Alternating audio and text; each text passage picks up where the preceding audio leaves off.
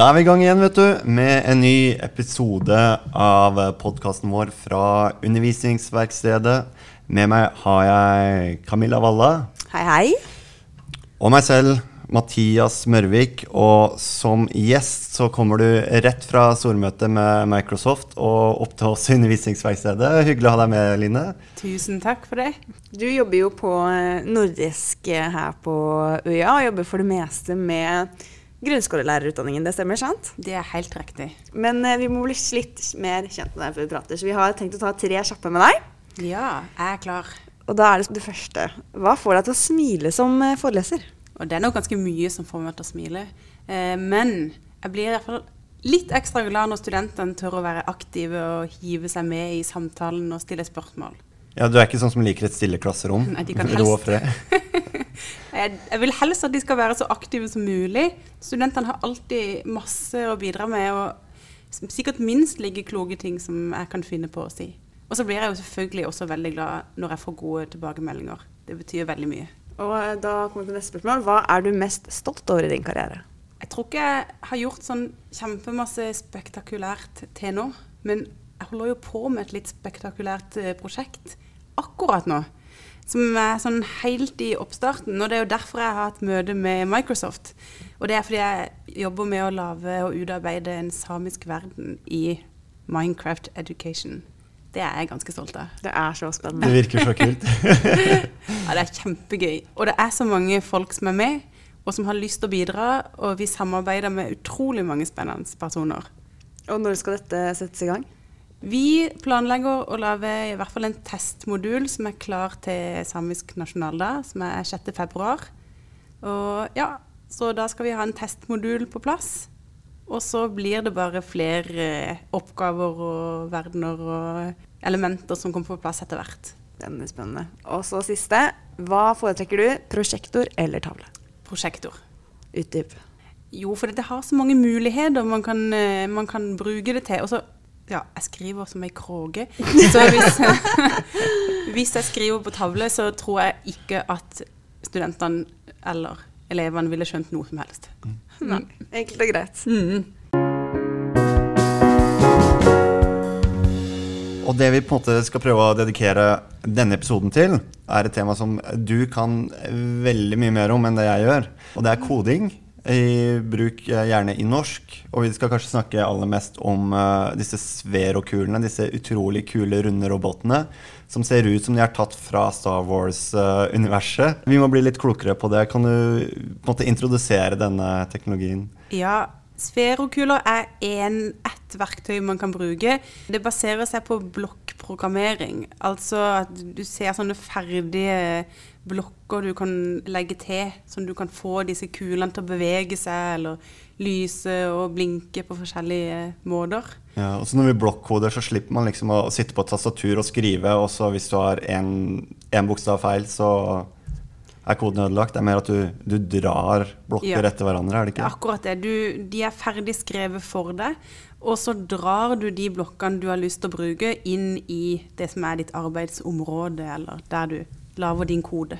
Koding og programmering det kan jo være så mangt, fra noe helt ganske enkelt til noe ganske avansert. Hvor vil du si at Svero ligger på denne skalaen? Ja, det er kanskje litt sånn midt på treet, for selve blokkprogrammeringa er ikke så veldig komplisert. Men kanskje det å koble kula med, med iPaden og ja, litt sånn tekniske ting rundt det, kan gjøre at det kanskje passer for eh, type mellomtrinn eller ungdomsskole. Og da er tanken at denne kulen den flyr rundt på, rom, rundt på gulvet der du styrer den til å gå? Ja, så Man kan jo bare styre kula og få den til å kjøre rundt, men jeg vil gjerne når man skal bruke det i undervisning, at man programmerer den til å følge f.eks. En, en fast løype. Gjerne lage litt effekter, lyder, blinke litt. La, lager du disse løypene selv?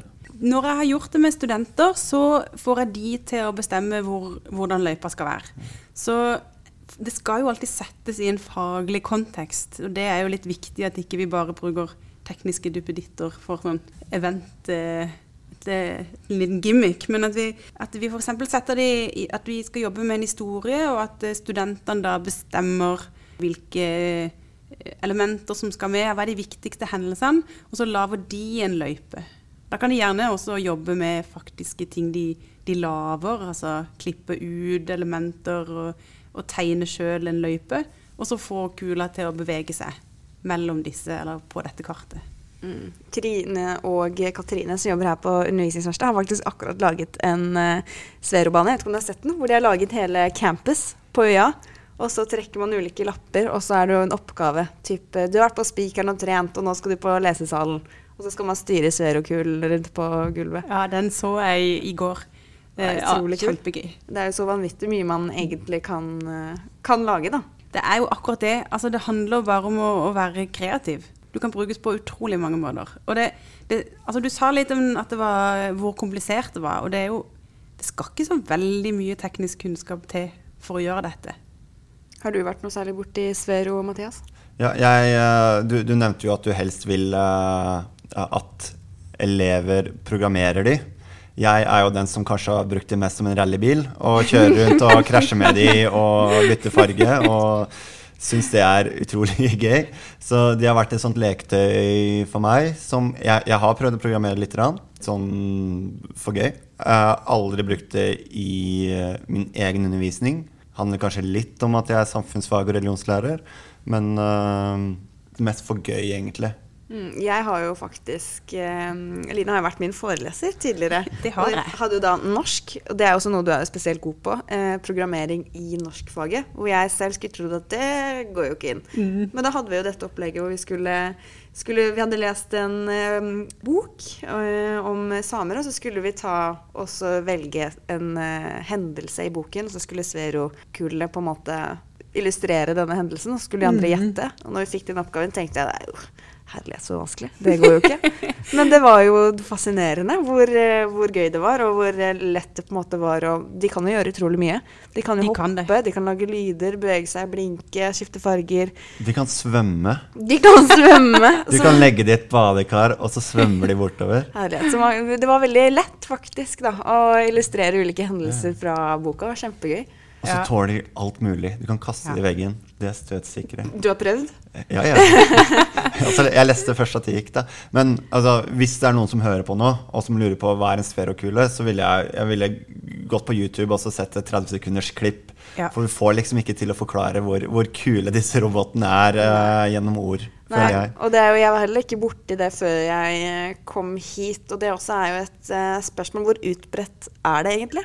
Eh, disse sferokulene har kommunen, Kristiansand kommune tilgjengelig, sånn at skoler kan låne det. Så egentlig er det noe skoler kan låne og bruke ganske aktivt. Men de må jo oppsøke det, da. Har du hørt om mange skoler som faktisk bruker det? Ja, noen skoler har jeg hørt om som bruker det. Holte ungdomsskole er et sted der de har brukt eh, disse sferokulene ganske aktivt. Ja. De jentene jeg trener i basketball på Tinnheia, de bruker det. Ja, ikke sant? Eh, men i valgfag, da, tror jeg. Ja. For det er valgfag koding er jo veldig inne på, på ungdomsskolen. Mm. Og jeg tenker hva er bedre enn dette? Jeg elsker alt av um, koding som blir veldig fysisk, og, Ja. eh, sånn at man på en måte skjønner det så mye bedre. Og den er jo et prakteksempel på den. Den på en måte kan bevege seg så raskt og så stort, og så Ja. Det, blir, Mm. det du koder, blir veldig synlig, da. Ja, det er akkurat det. Og jeg syns jo det er litt gøy når man kan ta koding inn i sammenhenger som, der man ikke tenker naturlig at her hører det hjemme. Altså eksempel kan vi bruke koding i norsk. Det er jo kanskje ikke så mange norsklærere som ville hoppe og juble hvis jeg hadde sagt eh, her, nå må dere kode. Men det skal ikke så veldig mye til. Det var akkurat som du sa, Camilla. Kanskje man blir litt sånn forundra i begynnelsen, men så, når man har testa det litt, så ser man jo faktisk Oi, det var ikke så veldig komplisert. Nei. Ja. Hva er det som fascinerte deg med koding? Du har jo på en måte blitt vår kodingguru. Ja, det er jo noe jeg syns er utrolig gøy. Det er jo den, den der teste og fikle og prøve seg fram. Og så er det noe veldig sånn tilfredsstillende når du får disse duppedittene til å blinke og lage gøye lyder. Og, ja, er nok litt eh, mer enn eh, vanlig interessert i teknologi. Du har alltid vært det. ja, det har jeg vel egentlig. Ja. Og kodespråket er jo kanskje det språket som gir oss mest sånn instant feedback. Altså Ja. Hvis du skriver en novelle, så det er ikke sånn at du kan teste med en gang om dette funka eller ikke funka. Men du får beskjed om dronen går i lufta eller ikke. Mens uh, når du jobber med de språkene vi taler, da, så er det jo litt, litt annerledes. Ja, det er det jeg sier når jeg, jeg har hatt noen lærere her oppe på undervisningsverkstedet og snakka om koding med de, og da sier jeg jo det, koding handler jo egentlig om språk, men datamaskinen den tolker ikke hva du sier, du må være presis. Men det handler jo egentlig om å lese og skrive, og derfor hører du jo også hjemme i norskfaget, mener jeg. Mm. Nei, skal, skal vi hive oss over på hjemmeleksa? Det kan vi gjøre. For du har uh, prøvd å skissere et slags eh, opplegg som uh, lærere kan, kan gjennomføre i, i sin klasse. Ja. Hva, hva har du tenkt? Eh, det jeg har tenkt er at man kan ta utgangspunkt i en fortelling. Og så er det litt opp til den enkelte lærer hva slags fortelling dette er. Om man f.eks. vil jobbe med et eventyr, eller om det er en fortelling elevene har lagd sjøl. Og at man bruker først tid til å diskutere hvilke viktige elementer som skal med. Kanskje lager man til og med et sånn storyboard, der man skisserer hendelser. Så vil jeg jo gjerne, jeg er jo litt ekstra glad i at man kan jobbe faktisk tverrfaglig. At man kan integrere, integrere arbeid i flere fag. F.eks. ta med kunst og håndverk til å lage ulike representasjoner av de hendelsene man vil ha med. Og så må man ha en egen bolk der man tester det digitale verktøyet. Så f.eks. sferokuler. Kanskje har elevene testa det uten at de egentlig skal gjøre så mye mer enn å teste det, der de bare kjører og ser hvor mye kula tåler. Og så setter de i gang med å prøve å illustrere disse ulike viktige hendelsene i historien. Få kula til å følge en bestemt løype, legge til illustrerende lyder og, og lys. Og her er det opp til elevene å være kreative.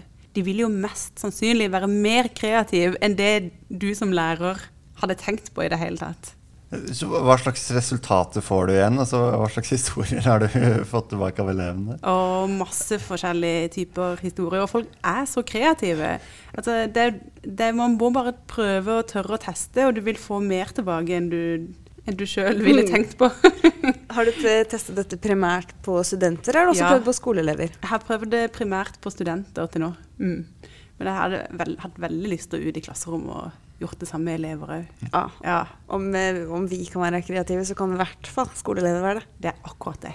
Det er akkurat som når vi blir litt større, så, så tør man ikke helt å slippe seg løs.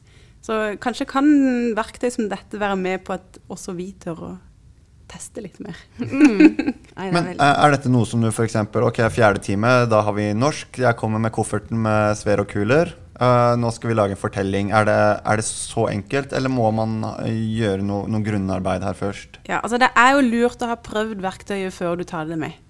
Jeg vil tenke at du trenger ikke å være en ekspert, fordi at uh, elevene de, de forstår fort det de skal gjøre. Du trenger ikke å være eh, kjempedreven, men det er lurt å teste det, sånn at du vet hvilke typiske spørsmål som kommer opp. Det Så kanskje- lage din egen fortelling først, kanskje? ja. Og veldig gjerne ha en sånn målfortelling, altså et, eh, et eksempel, sånn at du viser hvordan det kan gjøres. Det er veldig lurt. Det er jo egentlig lurt i alle sammenhenger.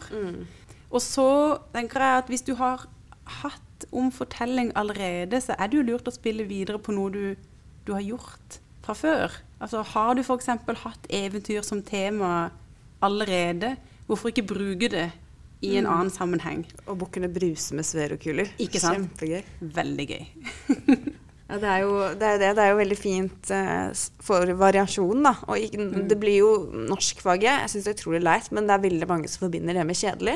Ja. At det er kun lesing, skriving, tavleundervisning, bøying av verb, eh, Mm. dikt. Diktanalyse Ja, har jo analyse, fått så mye kjeft, selv Ja. eh, om jeg elsker diktanalyse. Og tenk deg å ha hatt om fortelling, eh, og så få dette gøye sånn på slutten av emnet, f.eks. Ja. Og da på en måte ta i bruk det du har lært, da, og så gjøre Ja. noe, så, noe så- så annerledes. Så tror jeg at når du bruker disse, denne typen metode, så har de lyst til å lære fordi de skal gjøre noe. Altså du, du lærer ikke bare fordi at ok, jeg må lære diktanalyse fordi at det har min lærer sagt at jeg må, men jeg skjønner ikke egentlig helt hvorfor jeg skal det. Men, men nå må du lære. Du må lære noe om dramaturgi, du må lære noe om hva er viktig i en fortelling.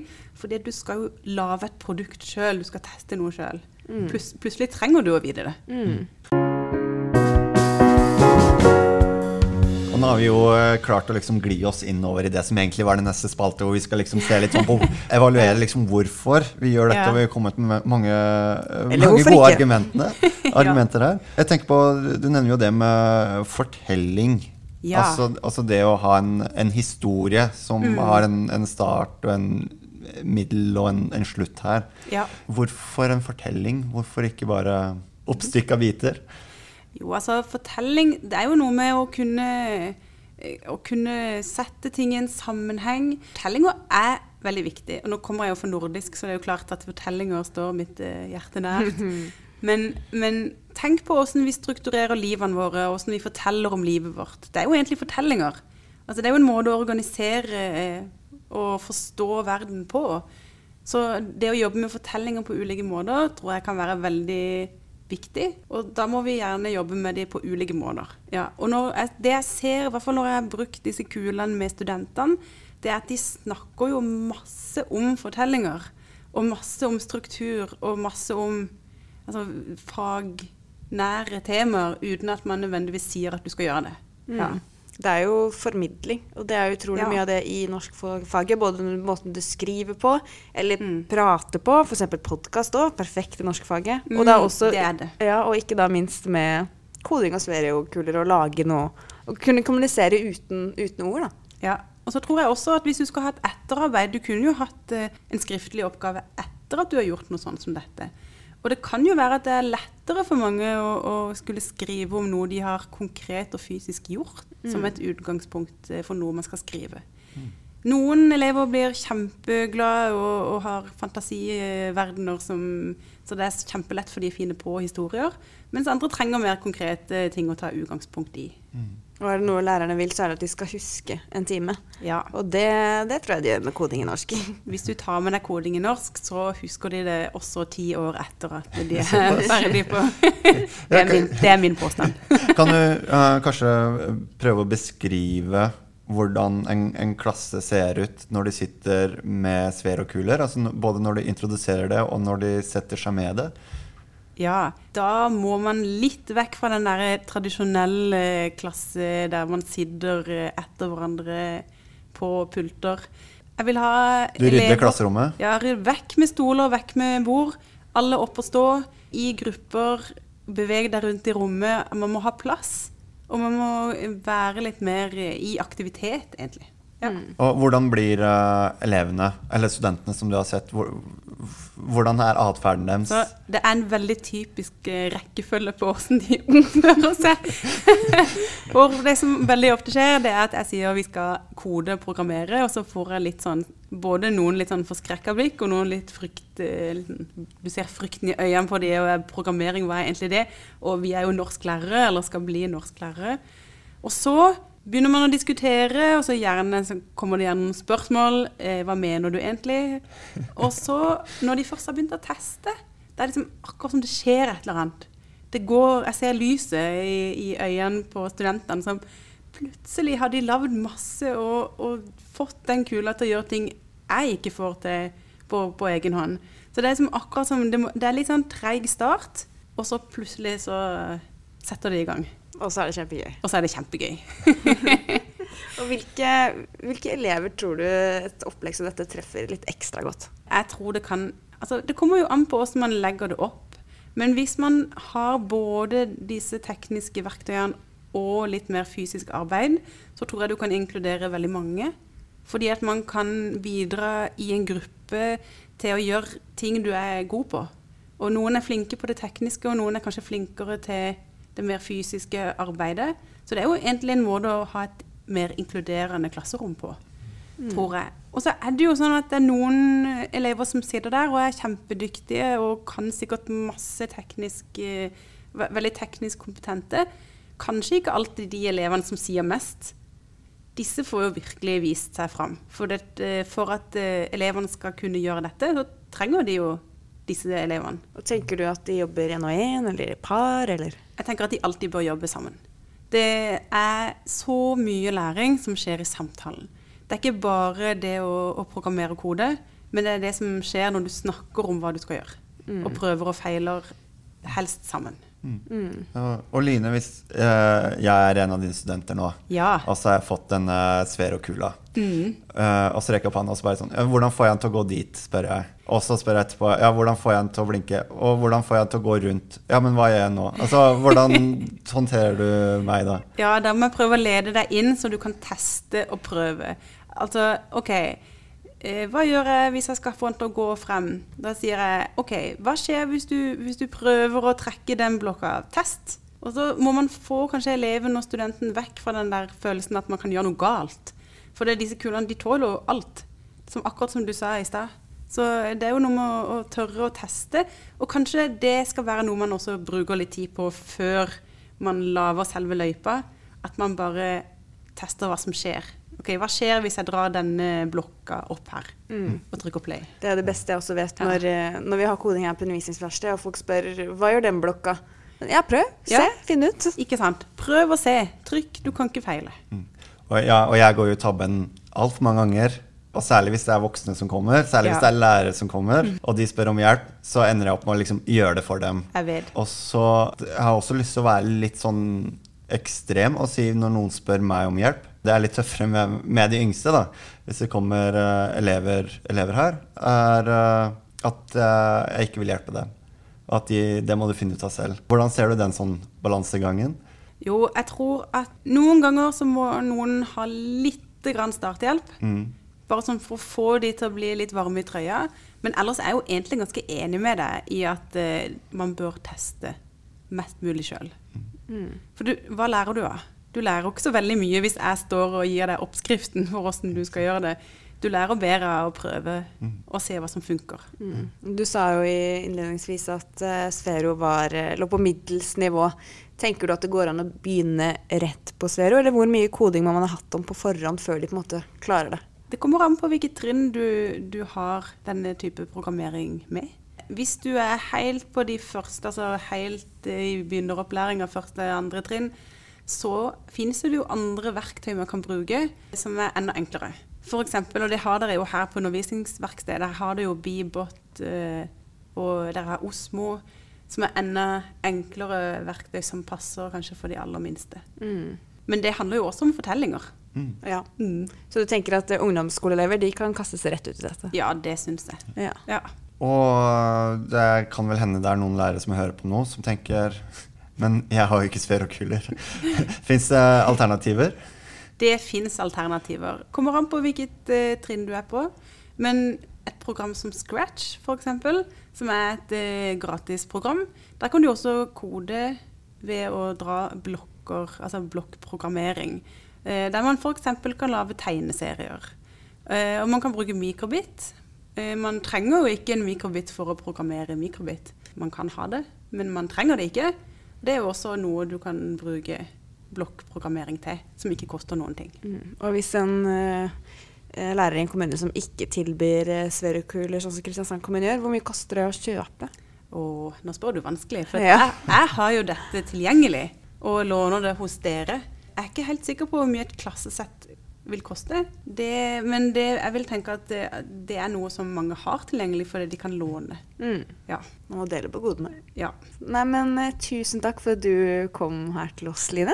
Bare hyggelig. Vi er veldig spente på å høre fortsettelsen på denne, både koding i norsk, men også dette Minecraft-eventyret. Og håper du kan komme tilbake til podkast og snakke om det en annen gang. Jeg kommer veldig gjerne tilbake og snakker om, eh, om ja, det de inviterer meg til å snakke om, egentlig. Ha det.